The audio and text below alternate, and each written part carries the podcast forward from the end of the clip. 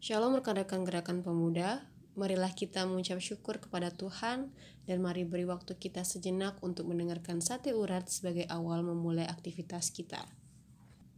Rekan-rekan, mari kita bersatu dalam doa.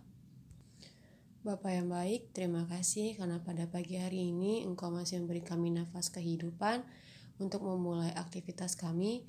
Tuhan berkatilah kami dan lindungi kami di mana pun kami berada. Dan sebentar Tuhan kami akan menyediakan waktu kami untuk mendengar dan merenungkan firman-Mu. Apa yang kami dengar pada hari ini Tuhan bisa kami terapkan dalam kehidupan kami sehari-hari.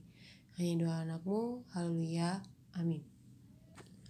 Rekan-rekan, bacaan Alkitab pada hari ini terambil dari ratapan 1 ayat yang ke-12 sampai ke-17. Beginilah firman Tuhan. Acuh tak acuhkah kamu sekalian yang berlalu?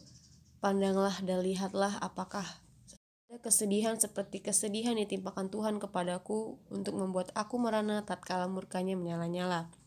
Dari atas dikirimnya api masuk ke dalam tulang-tulangku, dihamparkannya jaring di muka kakiku, didesaknya aku mundur, aku dibuatnya terkejut kesakitan sepanjang hari.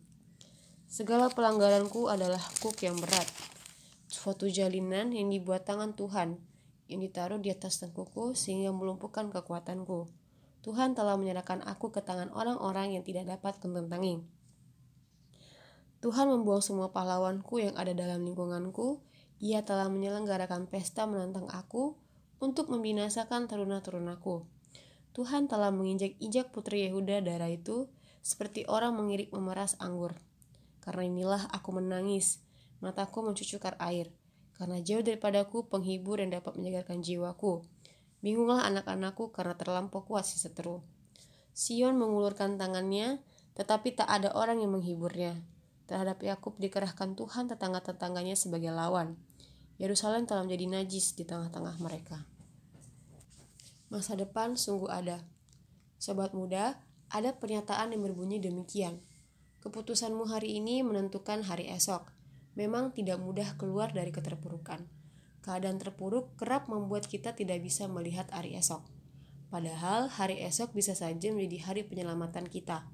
Selalu ada cara Tuhan menolong kita, baik dengan usaha kita sendiri maupun melalui orang lain.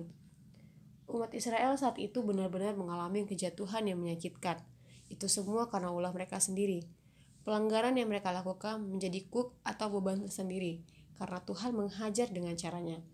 Suka atau tidak suka, dia membuat mereka menyesali kesalahan dan kembali kepada Tuhan semesta alam.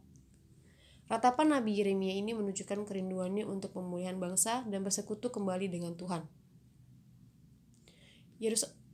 Yeremia melalui tulisan ini hendak menegaskan betapa buruk dampak yang ditemukan oleh perbuatan dosa, Dosa tidak hanya membuat manusia terpisah dari Tuhan, melainkan juga membuat seseorang terpuruk dan terbuang karena tidak ada tangan kuat yang menopang.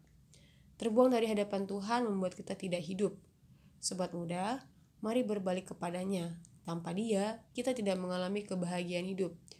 Kuk yang kita tanggung adalah hasil dari keputusan-keputusan yang tidak terlibat Tuhan. Tanpa Tuhan, jalan yang kita tempuh adalah jalan dunia, bukan jalan menurut kehendak Tuhan. Apabila kita hidup di dalam Dia dan selalu mengandalkannya, masa depan menjadi ada. Keputusan kita hari ini menentukan hari esok. Tidak ada yang terlambat. Dia setia menunggumu kembali padanya. Untuk menutup renungan firman Tuhan, mari kita bersatu di dalam doa. Ya Bapa, terima kasih atas renungan yang kami dengarkan pada hari ini. Berilah kami hati yang penuh kasih yang mampu menolong sesama tanpa pamrih dan Tuhan, terima kasih atas pengorbanan yang kau lakukan terhadap kami. Ampuni kami jika kami masih sering tidak melibatkanmu dalam keputusan apa pun. Terima kasih Bapa sudah mengingatkan kami akan lewat firman-Mu. Bapa, kami serahkan hati dan pikiran kami kepadamu. Hanya doa anakmu dalam tangan pengasihanmu kami mengucap syukur. Amin.